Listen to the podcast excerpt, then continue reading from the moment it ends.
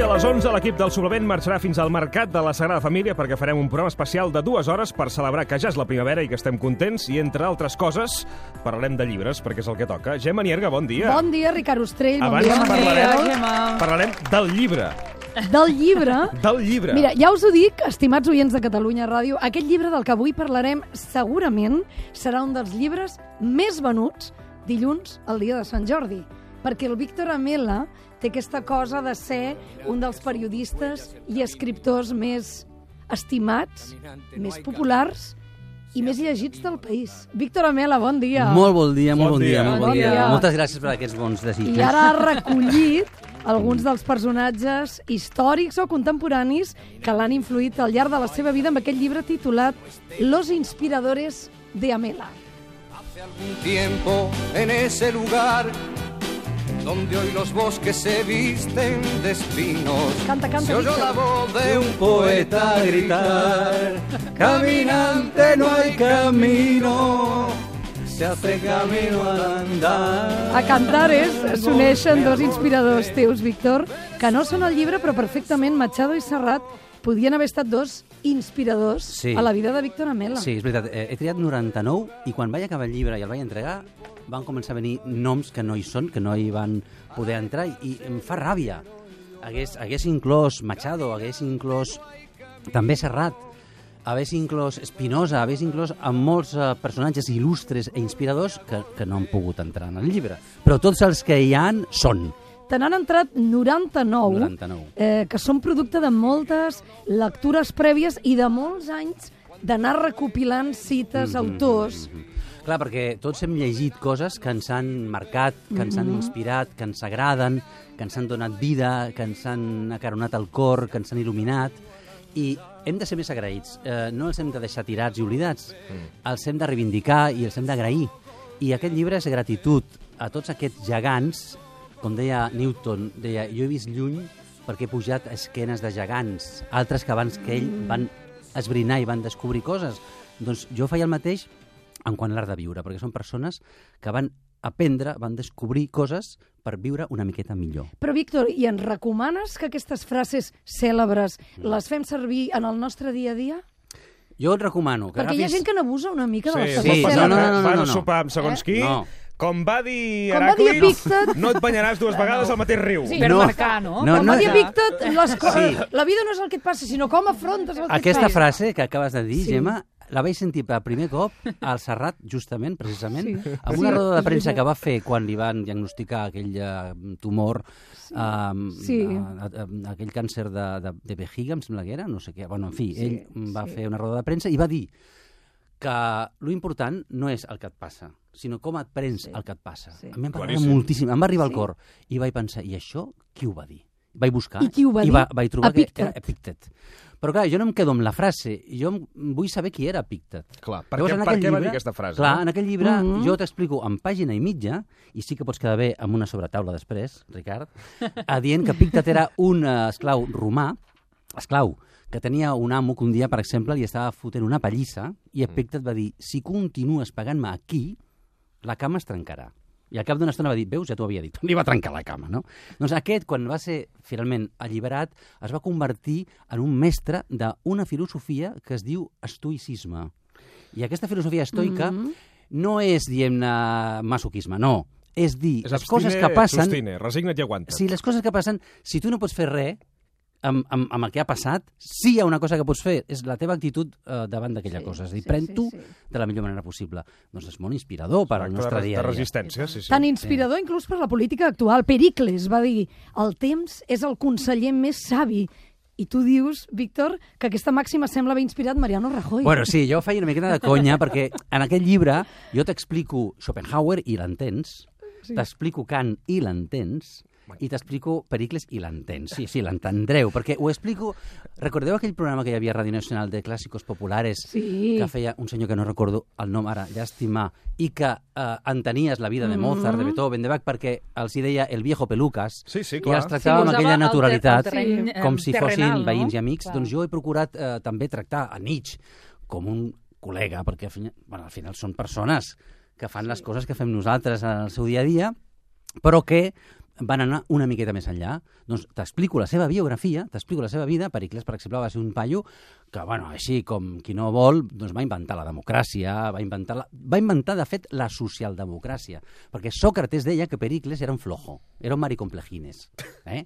Sòcrates deia això Eh? de Pericles Eh? perquè es preocupava dels eh, desafavorits i que això, això enfonsaria Atenes.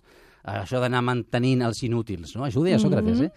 I aprens coses llegint aquest llibre. Jo he veus? pres llegint el llibre que Nietzsche, que és el gran filòsof, Sí. era un home amb un gran sentit de l'humor. Ho era. Sí, ell deia, ell deia, di- digues, digues, Digue- ho, digue-ho ho tu, has après, ho has après. Digue-ho tu, digue-ho tu, que ell, deia, ell deia que eh, si has de triar entre dos filòsofs, Sí. tria sempre el que rigui. Qui rigui. Qui rigui. Si per ell era un valor, Era un valor el, el riure i el prendre't la vida amb sentit de l'humor. un arma, ell deia, si he de creure en algun déu, hauria de ser un déu cavallers. Que sàpiga ballar. És que va acabar molt malament, eh, Nietzsche? Sí, va acabar abraçant, I era- abraçant a un cavall, trastornat absolutament. Per això dic que no sé si riure No. tant aviat, aviat No, potser. perquè el que passa és I que... era molt amic, per exemple, de Wagner, no? Sí, sí, amb I la relació la amb música aquella... també va acabar odiant-la, eh, al final. Sí, és veritat. De fet, de Nietzsche s'ha dit que va ser un inspirador dels nazis. No és veritat. No. És a dir, aquí si llegiu el llibre ho trobareu, que ell va despotricar bastant del nacionalisme i de, de tot el que ja ell veia venir, però després ells van voler aprofitar aquest personatge. Però en aquell llibre jo explico la veritat, com el Wyoming, no? Ara ja sabéis les notícies, Ara us ara explicaré. la Jo veritat. m'imagino que si poguessis un somni teu seria poder fer la contra de l'avantguàrdia Wow. als 99 personatges que cites en aquest I, llibre, I per què no? no ho fas? Home, mm, po- po- podria ser un gènere, eh? No? L'entrevista al mort. Imaginar-t'ho. Sí, Estudies un de- personatge i, i expliques el, com Això ho havia pensaria. fet, el Juan Carlos Ortega havia Exacte. fet entrevistes amb morts. Sí, això s'ha fet. Això, Havia entrevistat a morts. innocents. Em sembla una gran idea, perquè al final tots estem contínuament dialogant amb morts. La major part de les nostres vides és, si llegim coses, les llegim de personatges que ja no hi són. Uh, ens arriben idees de persones que les van formular potser fa dos segles. Sí. Encara estem parlant de Marx. Ja és mort fa temps, no? Però, és a dir, vivim amb les idees dels morts, dialoguem contínuament amb els morts. Doncs mm, lo, el que he volgut fer aquí és... Jo te, jo te l'explico bé, aquest mort, no? Te l'explico sí. bé. I, I és veritat que hi ha aquestes frases, que és veritat que es pot abusar, però no, no, no, és, no és per abusar. Jo us explico per què és. Tu, Gemma, t'aixeques pel matí. Sí. T'afaites. Ai, no, tu no. T'arregles. Jo m'afeito. Has vist alguna ombra de bigoti? No, o no, alguna no, cosa, em repasso la barba. Una cosa dubtosa? No, tot estava en ordre. I just quan... Just, tot està al lloc, crec. I quan estàs a punt de sortir de casa, Sí. tu agafes los inspiradores de Mela, fas així, ah, allò El- de el passar les primer que pàgines, i no, no, espera, espera, Ricard. Llavors, amb el dit, Sí? l'índex de la mà dreta, no, no sé, tu ets... Eh, Esquerrà, però és igual, sí, sí. fe- Fes-ho amb el dit que vulguis, o amb el tercer dit. Llavors, tu fiques el dit a la pàgina de la dreta i tirant cap avall. Fes-ho, fes-ho. Ja veuràs, fem, el joc. Pàgina de la dreta, tirant cap cap avall. Llegeix, llegeix l'última.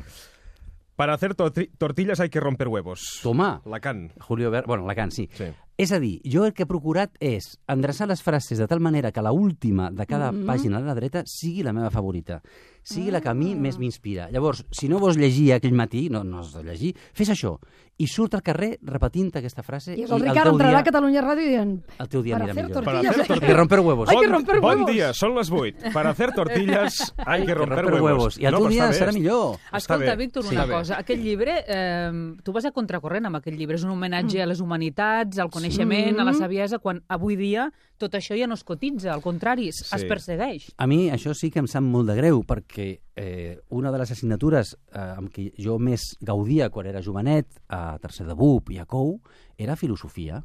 Però gaudia molt perquè em semblava que tots aquells personatges que ens anaven esmentant eren veritables pirats. Eren gent estranyíssima, eren friquis que deien coses molt estranyes i molt provocatives mm -hmm. en el seu temps i que encara avui Són vigents, són no? cridaneres i, i, i, i, i donen peu a, a saber més. Bueno, per què, no? Eh, Al final de Nietzsche ha abraçat un cavall, per què? Doncs, bueno, Sí. perquè tenia una sèrie de... Deien que sí, tenia una... No, una epilèpsia no, una sífilis. Per què sífilis? És a dir, que sempre pots anar tirant del fil per saber. Sí. I per què una assignatura que és un tresor, per què una, una coneixença tan, tan, tan sucosa ens, ens, la, ens la furten? Sobretot perquè són Doncs coneixements que et permeten entendre el sentit de la vida. Ah, Víctor, molts d'aquests autors Mhm. busquen un sentit de la vida. Cioran diu que la vida no tingui sentit és l'única raó per viure-la. I Cioran deia, Si per no, què- ara per- diré una frase molt, molt crua, Sí. però sent crua jo crec que és molt inspiradora i molt il·luminadora, sent Sí. molt negra, eh?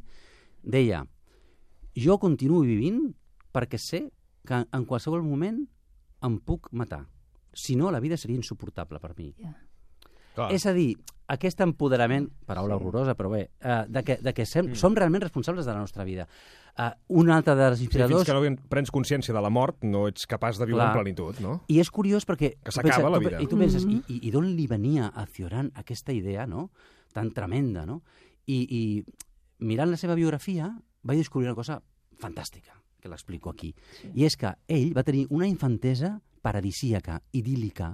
Hem d'imaginar una vall del, de la seva Romania natal, farèstega, salvatge, preciosa, imagina la primavera, el polen que corre pels aires, aquells rajos de llum de mitja tarda daurats, eh, ell jugant amb els seus amiguets, el riu, els animals, tot magnífic. Sí. I un dia, quan té 13-14 anys, els pares l'agafen, es muden, emigren, marxen a un altre lloc, una capital, i el món s'enfonsa. I per això ell va ser tota la vida tan pessimista, perquè Mm. res podia emular, res podia igualar la felicitat extrema Mhm. que havia experimentat a la seva infantesa. Doncs això està bé saber-ho per entendre i desxifrar Mm. la, la filosofia d'aquests Però aleshores la, la inspiració sempre té aquest punt o aquest component positiu? Mira, els primers filòsofs que hi va haver a la història, que són els presocràtics que coneguem, tenien un objectiu. Un objectiu és com fer per viure bé. Tota la filosofia respon a aquesta pregunta. Què és viure bé? I cadascun va proposant una tecnologia, o sigui, un mètode per viure bé. Doncs aquesta pregunta encara és vigent.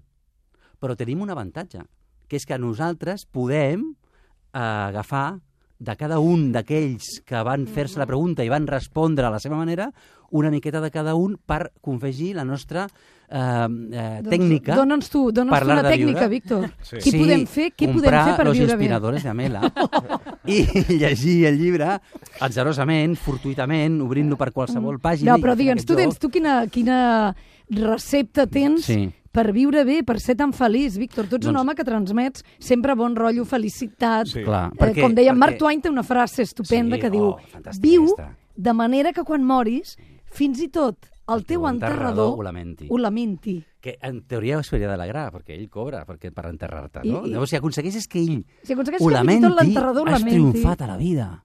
Perquè, com deia un altre inspirador, el Todorov, deia, al final, al final es tracta de les relacions interpersonals. Al final es tracta Sí, sí. De la, del tracte Sí. humà. Ell deia, tota la meva filosofia, Todorov, que és un gran assagista de la política del segle Sí. XX, tota la meva filosofia és arribar a entendre com és possible que una persona com la meva mare existís. Una persona que volia que la gent estigués contenta sempre al, al seu entorn, que procurava la felicitat i l'alegria dels qui la envoltaven. Com és possible que existís un ésser humà com la meva mare? Sí. Vull respondre això. I em sembla que aquesta és la clau. Aquesta és la clau. Eh, trobar a, a, a l'alegria, a, a, a la mirada de la persona que tens Clar, davant. estem en un Compartir. món en La meva això- mare, parlant de mares, la meva mare, un dia, quan jo era jovenet, mentre jo dinava, estava vivint amb, amb els pares, em va dir, ai, aquella vecina todavía no me saluda. Jo, què vecina? No sabia de què parlava. Sí, sí. I em va explicar a la meva mare que cada dia, cada dia, cada dia, l'ascensor coincidia amb una veïna. I la meva mare li deia, buenos días. I la veïna callava, molt sèria, mirant cap al sostre, sense dir res. No sabem, és un misteri, no sabem que, que tenia en contra de la meva mare, no se sap. I jo li vaig dir a la meva mare, i tu què, què, tu què haràs? Ah, jo, cada dia, buenos días. Y, y a veces, creo que mañana se lo diré dos veces. Eh, Però somrient. Sí. Aquesta és la lliçó. És Però a dir, ara- tu no ara- has de tirar la tovalla. Ara vas amb tren i tothom està enganxat al telèfon mòbil, Mhm. eh, parles per WhatsApp tenint algú al costat. Mhm. Per tant, això de mirar-se els ulls i el tracte humà va en deteriorament. Ja estem, sé. estem en crisi, eh, d'això. Sí, però bueno, és igual. Tu, tu, tu has de ser respe- respectuós. Si la, si la gent vol mirar el mòbil, que mirin el mòbil. Sí. I tu mira'l també. Però, però procura mirar alguna cosa que, que et doni bon rotllo, que et doni alegria, que, que, que, et, faci, que et faci sentir millor, eh, que, que, que, que nutreixi la, la teva empatia amb, amb els altres. Amela, m'agrada que en aquest llibre sí. hi ha presència femenina, no, Sí. no molta, però de 99 autors crec que has pogut posar 18 dones interessants, segur que te'n sortiran moltes més. Jo estic segur Però sí. Clara Campoamor, el grau de civilització d'una societat és proporcional al grau d'independència de les seves dones. Has És posat veritat. grans feministes, dones com Simone de Beauvoir, com... Mhm. Gloria Fuertes, Com també. Gloria Ah, Fuertes. meravellosa. Boníssima. És que jo Sí. vaig descobrir eh, que sóc fill de Gloria Fuertes, en un sentit Mm. metafòric, perquè jo no ho sabia, però ella estava darrere de molts dels programes infantils que es feien a Televisió Espanyola, que jo havia vist en algun moment. I, i, que, i que, per tant, mm, eh, li dec aquest eh, tribut, aquest homenatge, perquè realment era una, una dona espornejant, era una dona que donava una alegria, era una dona que amb la tonteria aparent d'aquella ingenuïtat Però se l'havia fingida... men menyspreat. Molt, no? molt. Mira, la senyora que Molt. fa les rimes fàcils, Sí. no? Ostres, I en canvi té jo considero una que és una obra gran poeta. meravellosa. És una gran poeta Sí. que, a més a més, als últims anys de la seva vida va declarar-se lesbiana i això va fer que encara la reconessin Sí. molt més Sí. sí. i sempre l'han menyspreat, tens raó, Mercè, quan en realitat té unes poesies fantàstiques, una dona... Rapera, dius. Jo vull, Dura. jo vull llegir una. Sí. Diu que és la primera rapera, la primera hip-hopera. És veritat, és una, ra- era una rapera, era una rapera, hip-hopera total. Mira, quin poema tan breu i tan bonic. Diu, bueno, n'hi ha dos, hosti, puc, puc llegir els dos? Sí. Sí. Vale, mira. Cuando estés recién muerto, aún, aún con la tibia tibia, es que es muy fuerte, aún con la tibia tibia, aún con las uñas cortas, claro, porque luego nos crecen, cuando... ¿eh? Cuando estés recién muerto, aún con la tibia tibia, aún con las uñas cortas, querrás hacer algo, lo que podías hacer ahora. Y ya habrán cerrado las tiendas y portales, y ya será muy tarde para llegar a tiempo a los que hoy te aman. Wow, wow. És a dir, va, ara, sí, aprofita, sí, t'estimen, estima'ls, ara, Sí. sí. que demà estaràs mort, tonto! Sí, sí, sí. Y un poema tan breu y tan bonito que diu Lo primero, la bondad. Lo segundo, el talento. Y aquí termina el cuento. La base, bé, no?, de està bé. qualsevol relació. Clar, és que jo... eh, ho he- Ser ho he bona trobat- gent. Sí, ho he trobat amb altres autors que diuen eh, l'expressió suprema de la intel·ligència És la bondat. A més, la Salvador Pàniker, també Sí. molt interessant, perquè a més a més és un home que et va donar una recepta Oh. de cara a les entrevistes. Clar, perquè ell havia estat entrevistat moltes vegades. Hem de recordar que avui parlem amb Víctor Amela, que és un dels tres autors de la Contra de l'Avantguàrdia, que és probablement una de les seccions de premsa més seguides, més retallades, més aplaudides. Tothom vol sortir a la contra, eh, Víctor? Bueno, I, jo, I que jo estic molt després content. genera entrevistes genera posteriors entrevistes. a altres mitjans, eh? Jo estic molt content perquè és una feina que m'agrada moltíssim. És a dir, jo he arribat a la conclusió de que he vingut al món a fer això. Perquè ara dius, ah, jo, jo per què sóc aquí, no? Ostres. I jo he arribat a aquesta conclusió, és que jo he vingut al món a entrevistar. Sí. Uh, ja està. I llavors això uh, ja em dona mm, un sentit que l'hem de buscar nosaltres. Doncs jo ja l'he trobat. al vingut principi, a al principi. Pàniker de l'entrevista en Sí. premsa és tot entrevistat queda tancat als límits mentals, del de l'entrevistador. I això, quan m'ho va dir, eh, ell, ell em, de- em va dir, bueno, tu ara aniràs a, de redacció, a l'ordinador, Mhm. escriuràs aquesta entrevista, però el que sortirà a l'entrevista seràs més tu que jo. I jo, què, què vols dir? Clar, perquè és Clar. la teva ment, la teva estructura mental qui recull el que vol, elimina el que no vol i confegeix un retrat Mhm. que parla de tu. Ostres, em va fer pensar molt, perquè a la meva feina el que jo procuro és tenir, per tant, la ment el més oberta possible per deixar-me eh, amorosir, per deixar-me mullar del personatge i transmetre aquest Sí, però personatge. explica per tots els oients del suplement una cosa que els agradarà, que és que per fer una contra de l'avantguàrdia, quanta estona estàs parlant amb el convidat? Home, una hora mínim. No es pot fer una pàgina com la de la Contra de l'Avantguàrdia, que és extensa, són uns quatre folis, sense parlar mínim, mínim una hora amb aquella persona. I jo li explico abans perquè ho sàpiga i ho accepti, i si no vol, doncs no la fem, i, i el món continua girant, eh? no passa res. Però si accepta, surten coses maques. Amela, i entre escriure llibres, anar a les ràdios i, i saludar gent, perquè tu ets un home que la gent et para pel carrer, quan et queda temps per veure televisió? Perquè hem de recordar que l'Amela Doncs- és el gran crític de televisió Sí, sí. d'aquest ara, país. ara també. tenim un invent magnífic que no tenia abans i Sí. patia molt, que és Movistar. És a dir, allò de que tu, sí, pots buscar en l'històric, diguem-ne, de, Sí. de, de, de Sí, l'aparell, sí, sí. doncs programes de fins a set dies abans, llavors si se m'ha escapat o he perdut alguna cosa, em veus a mi a les 3 de la matinada, això és veritat, doncs recuperant un First Dates d'abans d'ahir, no? Perquè a l'Arús li agrada els First Dates. Llavors jo m'he de mirar el First Dates per, per comentar-ho. Comentar-ho sempre des d'un punt de vista simpàtic, entretingut. Es tracta d'entretenir mm -hmm. el telespectador. És a dir, no ho miro tot, Sí. trio aquelles dianes que jo sé que donaran joc després a l'Arocitis. Bueno, no, no estic tan trastornat, no, estic bé. Però sí que abans patia molt, perquè quan no hi havia aquestes eines, eh, jo havia d'anar amb dos cintes de VHS, eh, amb una telepetita i amb l'altra, gravant, Gravant. coses Sí. per veure-les després, era un caos. Amela, i dilluns, dia de Sant Jordi, dia de firmes, dia d'estar tot el dia al carrer, Sí, eh, escoltant els teus lectors. Ai, la festa de l'avantguàrdia, que això és diumenge, no? Això és al vespre, a, a, a la víspera, el diumenge a la nit. Demà, a l'Hotel demà a la nit, demà sí, diumenge sí, a la nit. exacte, exacte. Mm -hmm. ja, som, ja som a dissabte avui, sí, sí, sí. Doncs demà a la nit. Com que mires First Dates fins a altres hores de la Mm. Exacte, nit... estic, ja no sé en quin dia visc. I el dia de Sant Jordi... És un dia que tu el disfrutes? Molt. T'agrada aquelles llargues cues de gent esperant perquè bueno, no, no, signis jo ja el disfrutava quan era un passejant i comprador Mhm. de llibres, que em semblava el dia més bonic de l'any, que jo pensava, si tinc una amiga a l'estranger, jo vull que vingui avui per fardar. I dirà, tio, És que és al·lucinant. esta és mi ciutat, ¿sabes? Sí, però És ara t'ho pregunto aquí. en qualitat d'autor. Clar, després va passar que vaig Dels més saltar venuts a de l'altra Sant banda, Jordi. que A la taulell, i, i, i vaig pensar, mira, Víctor, això no saps si durarà un any o dos, però aprofita-ho, Mm, gaudeix d'aquest moment, no? Resulta que per atzars de la vida ja fa 10 anys que sóc a l'altra banda, la banda de, de, que dedica llibres, i m'agrada. M'ho passo molt bé. M'entrego absolutament. Solta, són 10 hores. En una vida no són res, aquelles 10 hores. Però que aquelles 10 hores siguin a tope. I abraço senyores, petonejo Què et mm, diuen? bebès. Què et diuen els lectors? Doncs em diuen coses molt maques. Em diuen des de que han llegit un llibre meu anterior, des de que els hi fa molta il·lusió saludar-me, des de que em fico a casa d'ells cada dia i que per ells jo sóc de la família i jo sé que és veritat, però jo he anat, per, com tu deies, Gemma, per un poble del Maresme que arribo i no he estat mai en aquell poble i pel carrer principal una senyora em diu Víctor, com estàs? I jo vaig amb un amic que no sap res de tot, tot això i jo la saludo, molt bé, i tu? I ens fem una abraçada i diu, que, que la coneixes? I diu, no. Jo no la conec de res, però jo sé que ella a mi molt i he de respondre, estar a l'alçada, no, no decebre-la, eh, fer-la contenta. I això és magnífic. Víctor Amela, el llibre li dediques a la Marta. Sí, la Qui Marta. és la Marta?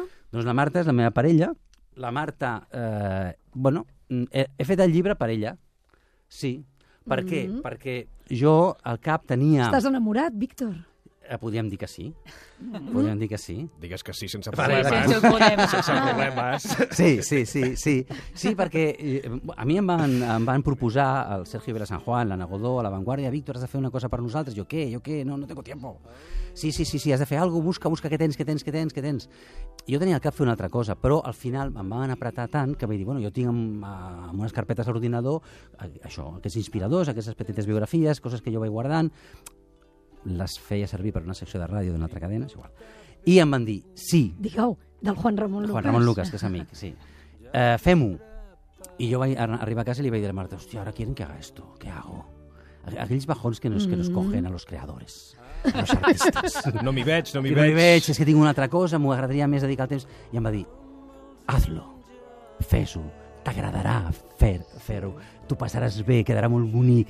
Hòstia, em va donar uns ànims que per això li dedico perquè s'ho mereix. Juan Ramon Lucas, que en el llibre segueix insistint en que t'assembles molt a Juan Juan Tamariz. Sí, amb el, Juan mago. Tamariz hem Home, pactat. és veritat. Sí, sí, Quantes sí. vegades pel carrer et diuen, hombre, Tamariz? El violí, el violí, va. Yo le iba a decir a ell, em va dir, Víctor, a partir de ahora te bendigo, puedes decir a todo el mundo que yo soy tu padre. I ja ho hem pactat així. Eh, és el meu pare espiritual. Víctor, aquesta cançó que estem sentint de Marc Parrot Mm. i que té a veure amb la mort, un altre Sí. dels elements Sí. del que tant parlen aquests Es diu pensadors. Ara que estic mort. Mhm. I m'agrada molt. Perquè diu coses molt xules. Diu, ja no he de patir. Per fi, sóc diví. Ja puc creure en mi. No tinc res en joc. Em prenc la vida més a poc a poc. Perquè és un mort, canta un mort des del més enllà, amb els angelets. I jo em pregunto, hòstia, i per què no podem fer-ho igual aquí? Podem, no? Podem, podem. Ara aniré al cel